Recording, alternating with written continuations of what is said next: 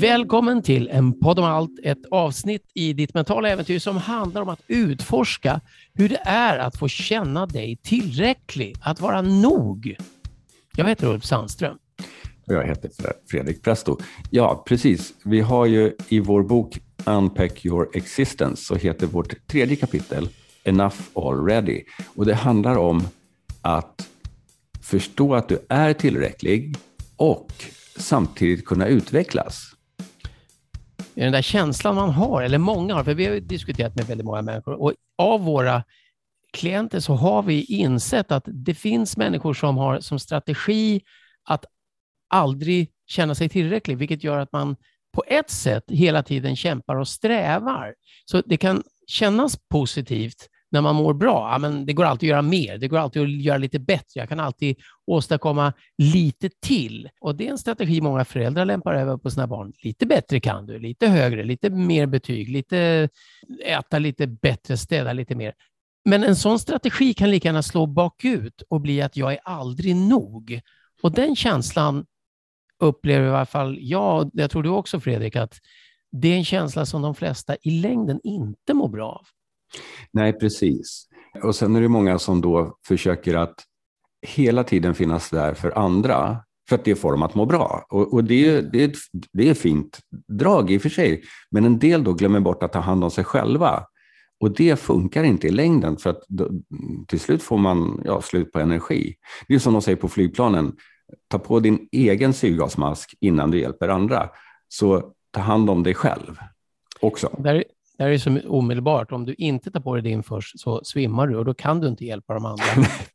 men, men i livet så är det lite mer utdraget i en längre period. Det kan gå 10 år, 15 år. Man kanske växer upp i en situation där det finns ett syskon eller en förälder som behöver lite stöd och så lär man sig att ta hand om och så får man uppskattning för det och sen sätter man sitt egenvärde. Alltså, man, vi har ju lite en lång diskussion ofta om det här ordet självkänsla som vi tycker är lite vagt just därför att känslan du har för dig själv är ett resultat av den bild du skapar av dig själv. Så att bilden är mer intressant än själv, känslan. Och du vill ha en bild du kan respektera. Och om du känner att jag vill vara en sån där person som hjälper andra för det gör att det känns bra, då kan jag respektera mig själv. Jag till och med vill sätta mig själv i andra hand.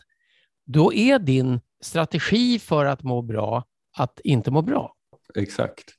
Men som sagt, det, det, det, är inte så att det är inte meningen att man ska bli egoistisk och skita i andra heller. Det, det finns ju tyvärr sådana människor också.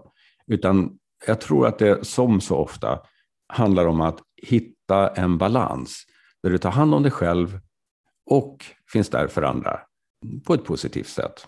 Och många gånger så det är ofta en, en ganska, tycker jag, polariserad dialog där man pratar om ja, men du har självförtroende och självkänsla.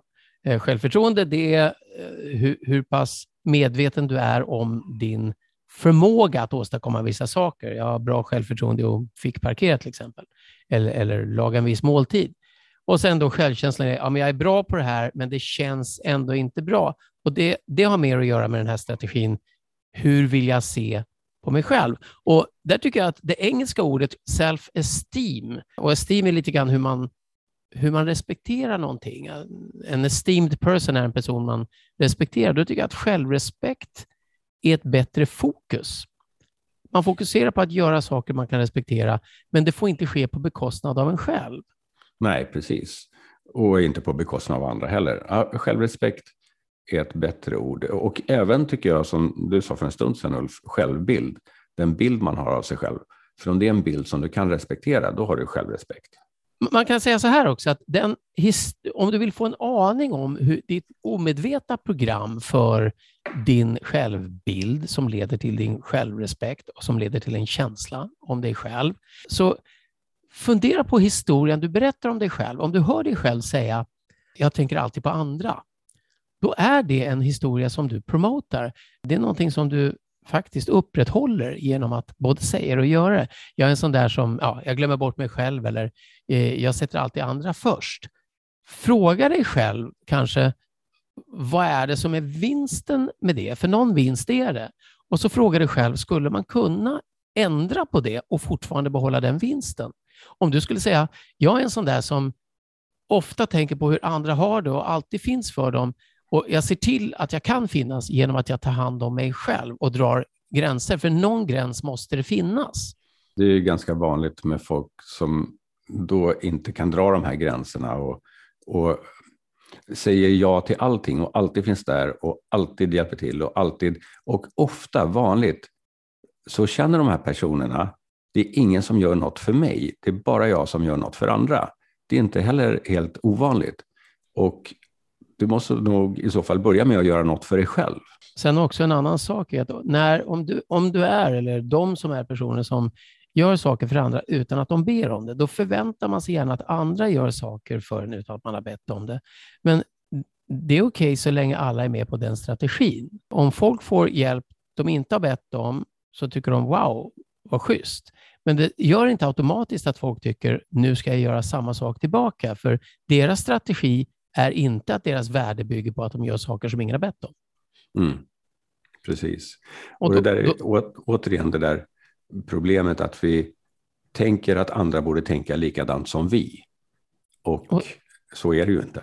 Nej, ingen, in, kanske ingen tänker likadant. Nej, förmodligen inte. Som jag eller du. Och då kan man ju säga att ett sätt är att vara tydlig, för tankeläsning funkar extremt dåligt, måste vi säga. Det är väl vår erfarenhet av alla vi pratar med oss själva också.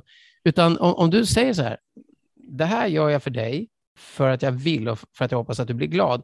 Att vara lite extra tydlig med det kan få folk att bli medvetna om att de får en gåva.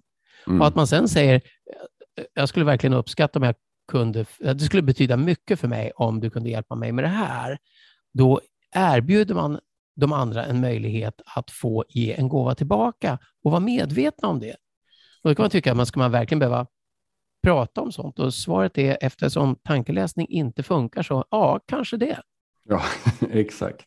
Om du vill veta mer om sånt här och är lite intresserad av hur man kan utforska det, då är det så att boken som vi har skrivit, Unpack Your Existence, just nu på engelska, finns både som ljudbok och som vanlig på överallt där böcker säljs. Så att säga. Där kan du gå in och, och, hitta både ett kapitel om att vara tillräcklig som heter Enough already, nog nu.